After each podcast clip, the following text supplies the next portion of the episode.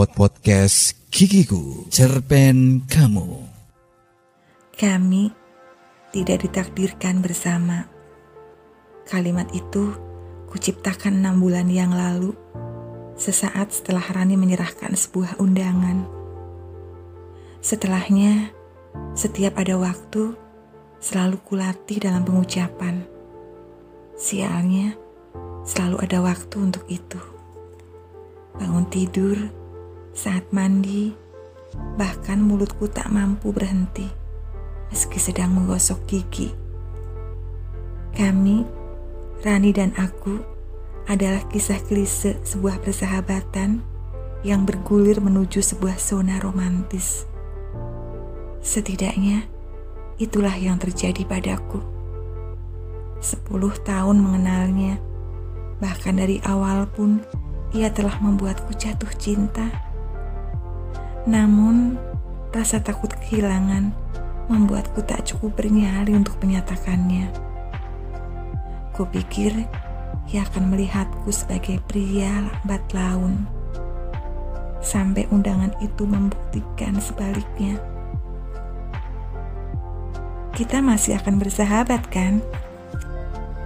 Ucapannya kala itu seperti segel yang mencegahku membuka undangan. Untuk apa? Semua informasi yang gue butuhkan ada di bagian belakang sambul, waktu dan lokasi, hari ini, rumahnya, sisanya gak lagi penting, terutama nama laki-laki yang telah merebutnya dariku. Merebut. Setelah ku ingat-ingat, Rani gak pernah sedetik pun jadi milikku untuk bisa direbut ia nggak pernah bercerita tentang lelaki itu.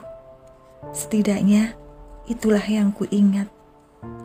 Ia bercerita tentang novel baru kesukaannya, restoran baru dekat kantornya yang bisa kami tempuh hanya dalam waktu 15 menit dengan jalan kaki. Juga film romantis yang membuatku sukses terlelap setelah ia berhasil memaksaku menemaninya menonton di bioskop. Namun, Tak pernah sekalipun ia bercerita tentang lelaki itu. Dia istimewa ya. Akhirnya keingintahuan akut itu tak lagi mampu kubendung. Sesuatu yang kusesali setelah melihat binar mata Rani. Belum lagi benar merah di wajahnya. Dia itu cowok paling gak peka yang pernah gue kenal. Kadang aku gak mengerti tentang perempuan. Sampai saat ini, yang aku yakini bahwa tidak peka itu buruk. Namun, bagaimana mungkin Rani mengucapkannya dengan cara seperti itu? Dia selalu bisa gue andelin. Pinter, lucu, dan yang paling gue suka, dia pendengar yang baik. Tubuh Arnold, wajah Mr. Bean, dan otak Einstein, lalu telinga yang besar. Rasa cemburu membuat otakku menciptakan sebuah gambaran absurd. Bahkan dalam bayanganku, kelemahan terbesar lelaki itu hanyalah sepasang telinga besar. Tapi dia cemburuan. Apa hebatnya cemburuan dengan pasangan seperti Rani? Malah rasanya aneh bila tidak. Kalau dia cemburuan, gimana kita bisa tetap bersahabat? Lagi-lagi sebuah pertanyaan konyol, lebih mirip seperti keluhan ketimbang pertanyaan. Tapi dia baik. Sergahnya lucu meski menyakitkan. Tentu saja lelaki itu baik terhadap Rani. Siapa sih yang gak baik terhadap dia? Bahkan tukang sayur pun rasanya baik terhadap dia. Lebih sulit membuat daftar orang yang tidak baik terhadap dia kurasa. Berbagai cerita ada di sini. Podcast Kikiku. Cerpen kamu. Pod podcast Kikiku. Cerpen kamu. Malam itu kali terakhir kami menghabiskan waktu bersama. Bahkan komunikasi kami setelahnya bisa dikatakan hilang. Wajar saja. Kupikir ia akan amat sibuk mempersiapkan banyak hal dengan lelaki itu. Memilih gaun pengantin misalnya. Rani akan sangat cantik dengan kebaya putih seperti saat wisuda dulu. Sampai dua malam lalu, sebuah pesan suara darinya seperti tak rela bahwa hampir saja kulupakan hari bahagianya. Itu atau karena Rani terlalu kenal dengan tabiat pelupaku. Untuk kali ini saja, demi aku ya, cukur rambut kamu, hilangkan semua rambut di wajah kamu. Hmm, lalu pakai baju terbaik kamu. Jas, dasi, peci, dan jangan telat ya.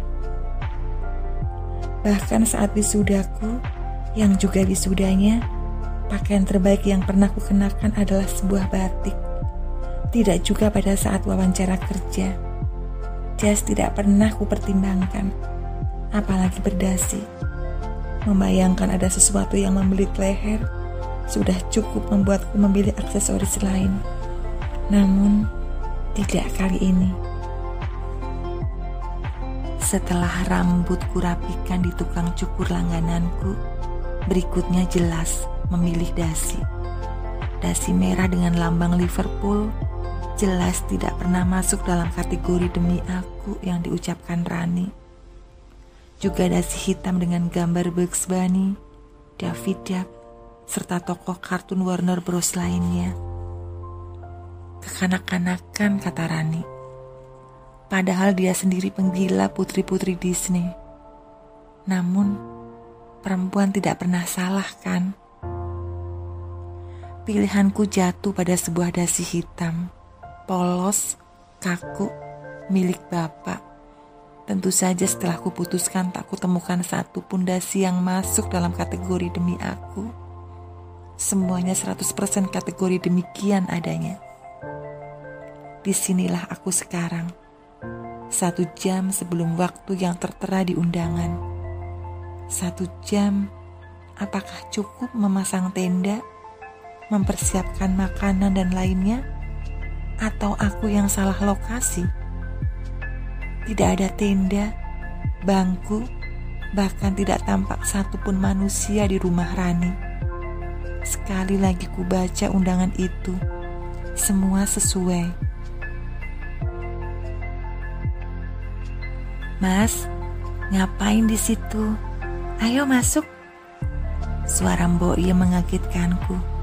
Asisten rumah tangga keluarga Rani itu sedang sibuk memilih sayuran di gerobak tukang sayur. Belanja buat akad, Mbok. Mungkin pertanyaanku sama tololnya dengan wajahku saat ini. Mbok Iem memandangku dengan tatapan bingung. Jangan-jangan tolol itu telah menular. Akad Rani kesulitan menyembunyikan kegelian di wajahnya. Ia duduk di apit kedua orang tuanya yang dari raut wajah mereka kurasa kepahaman kami tidak jauh berbeda. Bapak suka orang yang tepat waktu. Jarang-jarang anak muda sekarang tepat waktu. Biasanya ngaret. Iya, ibu juga suka dengan cowok yang rapi. Harusnya kamu tuh dari dulu rapi seperti ini sampai pangling aku loh. Kami, aku dan Rani hanya bertukar pandang. Ia tersenyum malu-malu.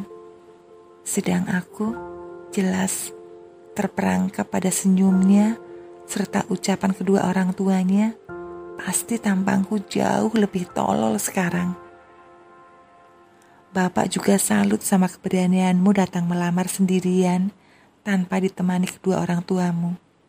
Bapak pikir Rani bercanda saat bilang kamu Sisa ucapan lelaki itu tak lagi penting. Tiga huruf langsung menari-nari di benakku. Sah. Iya, sah. Berbagai cerita ada di sini. Podcast Sikiku. Cerpen kamu.